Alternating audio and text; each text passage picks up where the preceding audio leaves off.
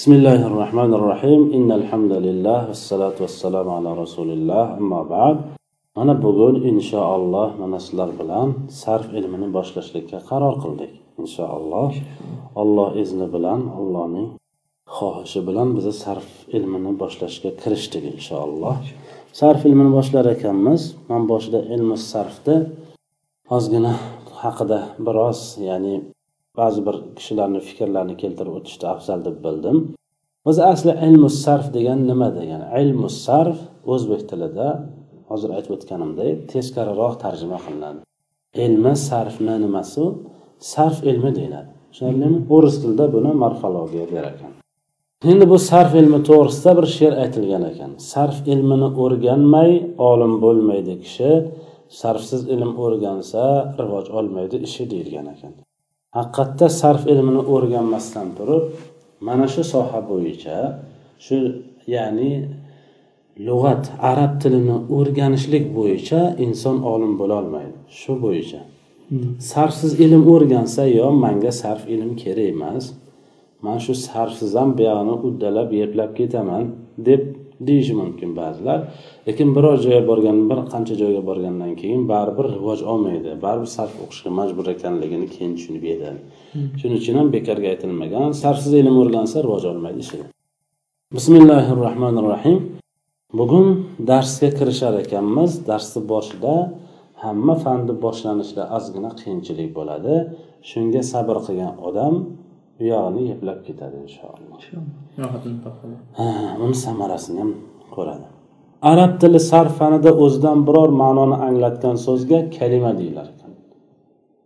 Arab tilida kalima deganda nima desa o'zidan biror ma'noni anglatgan so'z bo'lsa shunga kalima deyiladi.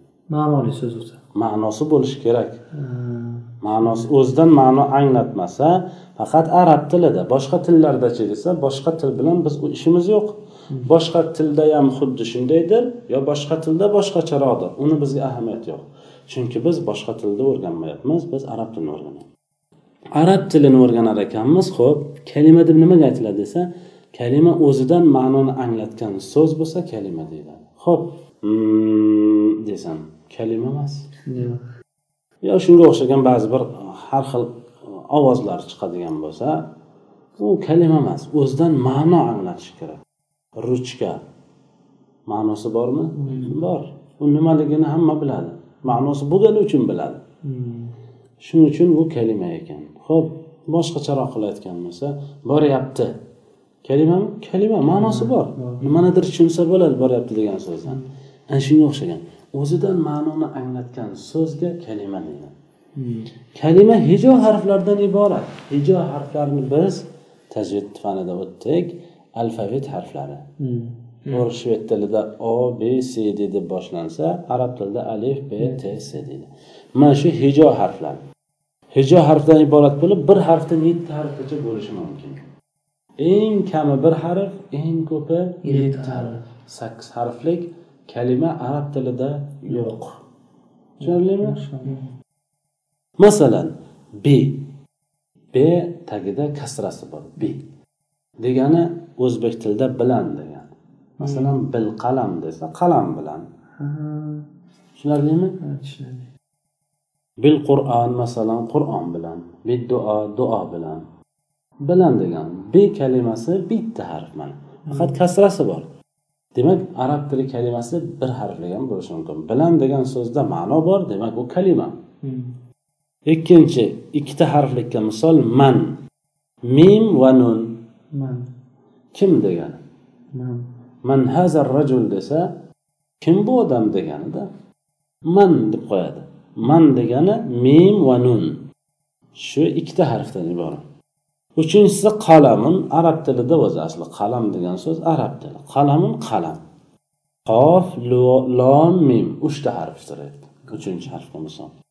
Kitabun. U ham arab tilida. Kitob. Kitob degan so'z o'zi arab tili.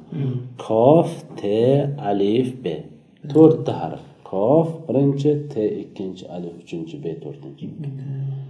Besh harflikka misol. Mahmudun mim he yana mim vov dol. Mahmudun. Beshta harf bor ekan. Oltita harfga ijtihadun. Alif jim. Ijtihadun degani ijtihod degani tirishmoq harakat qilmoq. Alif jim te he yana alif dol. Oltita bo'ldi yettinchi yettita harflikka misol iste'molin. O'zbek tilida ham iste'mol qilamiz deb qo'yishadi. Shunga o'xshagan iste'molni iste'mol qilmoq tekshiramiz.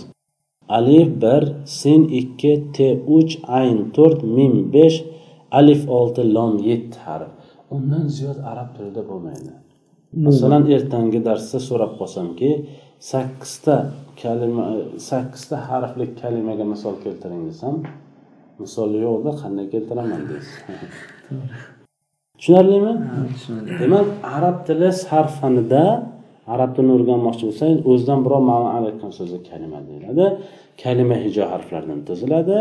U bir harfdan yetti harfgacha bo'lishi mumkin. Tamom ho'p endi kalima ho'p kalima.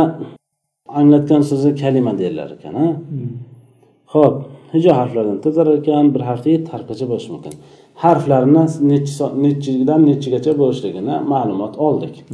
Endi kalimani o'zi nechi qismga bo'linadi? Uch qismga bo'linadi. Ism fe'l harf. Birinchisi ism ikkinchisi fe'l uchinchisi harf.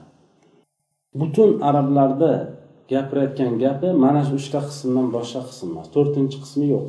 Uchta qism. Yo ism bo'lishi mumkin gapirayotgan gapi yoki fe'l bo'lishligi mumkin yoki harf bo'lishi mumkin bu ga- gap qur'onda ham o'z ichiga oladi hadisda ham butun arablarda ham o'z ichiga oladi. Hammasini gapirayotgan gapi mana shu uchta qismni ichida gapirishadi undan chiqib ketishmaydi. Birinchisi ism ikkinchisi fe'l uchinchisi harf. Ekan ism nima deganda har xil ulamolar ta'rif berilgan. Mana bu ta'rifi afzalroq bo'lishi kerak. O'zidan biror ma'noni anglatib uch zamonni birortasiga dalolat qilmagan kalimaga ism deyiladi. Sharti bor ekan o'zidan ma'no anglatishi kerak. Bu Ism. birinchi sharti ha ismni birinchi sharti uchta zamon bor o'zi. Birortasiga dalolat qilmasligi kerak. Zamonlar ham uch qismga bo'linadi. O'tgan zamon hozirgi zamon kelasi tushunarlimi? Tushunarli. Mana shu uchta zamonni birortasiga aloqasi bo'lmaydi unga ism deyiladi masalan gilam. O'zidan ma'no anglatyaptimi? Anglatyapti. Uchta zamonni qaysinisiga dalolat qilyapti? Hech qaysiga dalolat qilmaydi demak bu Ism. ism. Ho'p soch. O'zidan ma'no anglatyaptimi? Anglatyapti. Yo hech narsani tushunmayapsizmi tushunmayapman. tushunyapsiz. Inshaalloh tushunyapsiz o'zbekchada gapiradi o'sha soch degan so'zni olsak o'zida ma'no anglatyapti uchta zamonga dalolat qilmayapti. Shuni biz nima deymiz? Ism. ism deymiz. Har bitta narsani shunday tekshiramiz ism desak ikkita shart darhol xayolimizga kelishi o'zida ma'no anglatyaptimi? Ha. Uchta zamon birortasiga dalolat qilyaptimi? Yo'q. Demak bu ism. Endi fe'lga o'tsak ism yanada tushunarliroq bo'ladi.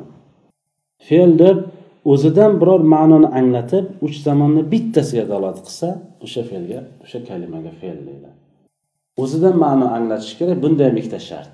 Ha. Bitta shartida ism bilan ikkovi kelishadi. Ismda ham o'zidan ma'no anglatish kerak fe'lda ham o'zidan ma'no anglatish kerak. Unda nima farqi bor desa ikkinchi shart bilan ikkovi bir birovidan ajralib ketadi. Bir yo'ldan boraveradida ikkiga ajralib ketadi.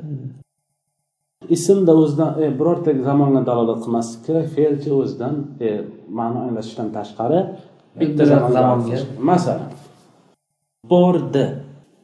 O'zidan ma'no anglatyaptimi? Bordi ha uchta zamonga dalolat qilyaptimi? Qaysi zamonga. O'tgan zamonga. ha. Demak bu har bitta narsani ana shunaqa qilib tekshirasiz. Masalan akam uxlayapti. Akam. Ismmi fe'lmi harfmi? Ism. Nima uchun? O'zidan ma'no anglatyapti. o'zidan ma'no anglatyapti. Uchta zamon birortasiga dalolat qilmayapti. Shuning uchun bu ism ho'p uxlayapti o'zidan ma'no Anglatyapti. uchta zamonni bittasiga ya'ni o'tgan zamonga hozirgi zamon. uxlayapti. Hozir uxlayapti. To'g'ri to'g'ri. Uxladi degan. undan ham tushunarli qilib aytadigan bo'lsak masalan dadam ovqatlanyapti. Ho'p dadam ismmi fe'lmi Ism. o'zidan ma'no nima uchun? Chunki o'zidan ma'no anglatyapti. Uchta zamonga dalolat Qilmayapti. shuning uchun bu ism ho'p ovqatlanyaptilar ovqatlanyaptilar nima bo'ladi? O'zidan ma'no anglatyaptimi? Ha? O'sha zamon bittasi dalolat qilyaptimi? Qaysi zamonga? Hozirgi. hozir ovqatlanyaptilar masalan. O'shaning uchun u Fe'l. bo'ladi. Fe'l bo'ladi. Fe'l deganda ana shu narsa tushunadi yoki bo'lmasa kelasi zamonga bitta misol keltirsak man ertaga maktabga boraman. Man ism ertaga ism maktabga ism boraman. nima uchun? O'zidan ma'no anglatyapti. Keyingi zamon. kelasi zamon deyiladi shuni o'zbek tilida. Kelasi zamonga dalolat qilyapti. Shuning uchun bu fe'l. Mana shu ikkita shart mavjud bo'lsa siz fe'l deb hukm qilib yuboravering. Hmm, ho'p harf nima? O'zidan biror bir ma'no anglatmay faqat boshqa kalimaga qo'shilib kelgandagina ma'no anglatadigan kalimaga harf deydi harfni o'zini ma'nosi bo'lmaydi. Hmm. boshqa bir narsaga kalimaga qo'shilgandagina ma'no chiqadi. o'shanda nima bo'ladi? Bu harf. masalan shundayki da. Siz biror narsani tushundingizmi? Hech narsani tushunmadingiz. Chunki u bu o'rischa da emas lekin. Ha. o'rischa da bo'lsa ma'no anglatadi. O'zbekcha da. Da desa hech narsani tushunmaysiz. O'shanda aytsaki masalan dadam kelganda. Desa dar ha bir narsa bo'lar ekan deb tushunasiz. Ana shunisini harf deyiladi arab tilida tushunarlimi da degan so'z haligi kelgan degan so'zga qo'shilgandagina ma'no anglatdi. O'zidan biror ma'no anglatmaydi. Shuning uchun ham da degan nima degan desam indamay qoldinglar ma'nosi yo'qda Yo'q. faqat boshqa kalimaga qo'shilib kelgandagina ma'no anglatadigan kalimaga harf deyiladi masalan man uyga borganimda ovqatlanaman desa borganimda borganim ism da harf. Harf ismga qo'shilgani uchun ma'no angladi. Ana shu narsani demak harf deyiladi. Demak o'zbek tilida tekshirsangiz da bu nima bu? Ismmi fe'lmi harfmi Harf. dan. Harf. harf ga. Dan o'zi harf. Dan ga- deganda biror narsani tushunasizmi? Yo'q, undan. Keyin Ha, undan siz bir narsa qo'shmasdan o'zini tushunadi Yo'q. demak harf ho'p ga. U ham hech narsa tushunmaydi demak mana shu narsalar harf bo'ladi. Qachon har bitta narsani shuni ajratasiz. Masalan man sizga aytaman taxta. Ismmi fe'lmi harfmi desam? Ism. ism nima uchun? O'zidan? Ma'noni anglatdi. uchta zamonni birortasiga To'g'ri kelmayapti. to'g'ri dalolat qilmayapti. Shuning uchun bu ism bo'ladi endi bitta narsaki haligi sarf ulamolar hali alif b t s borku uni umuman harf hisoblamaydilar. Shu narsani ham bilib qo'yish kerak. Alifbetesilar. Ha, u hijo harflar lekin anaqa da dan ga degan so'zlar borku bularni anavi harflarga nisbatan baribir ma'nosi bor. Alif desa hech narsani tushunmaysiz. Dan deganda nimanidir tushunasiz lekin yetmaydi. Bitta ism to'g'ri. qo'shib yuborsa edi hozir yaxshi tushunib olardim lekin alif desa ism ism qo'shsa qo'shmasa hech narsani tushunmay turaverasiz borganim alif desa qanday bo'ladi? Borganimda desa tushunasiz. O'shaning uchun u alif bilan e, u harflar bilan bu harfni farqi bor.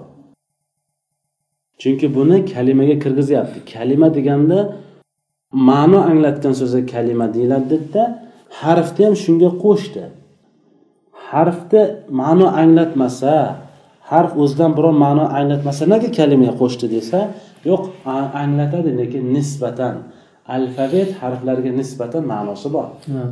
Ularga qiyoslasangiz qandaydir bu ancha nima bo'lib qoladi. Te- bir bir ma'no anglatadigan so'zga o'xshab qoladi. Hijo harflari bilan ikkovini yonma yon qo'ysangiz b t s jim h x hech narsani tushunmaysiz lekin da dan ga deyaversa siz bir narsani anglaganday bo'laverasiz. Nimadir demoqchiyu bunga kalimalar yetmayapti deysiz.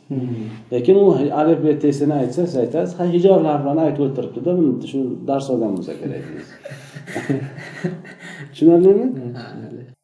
Zamonlar ham uch qismga bo'linadi. O'tgan zamon hozirgi zamon kelasi zamon bugungi darsimiz shundan iborat ekan. Subhanakallohumma bihamdik. Ashhadu an la ilaha illa anta astag'firuka va atubu ilayk. Assalomu alaykum va rahmatulloh.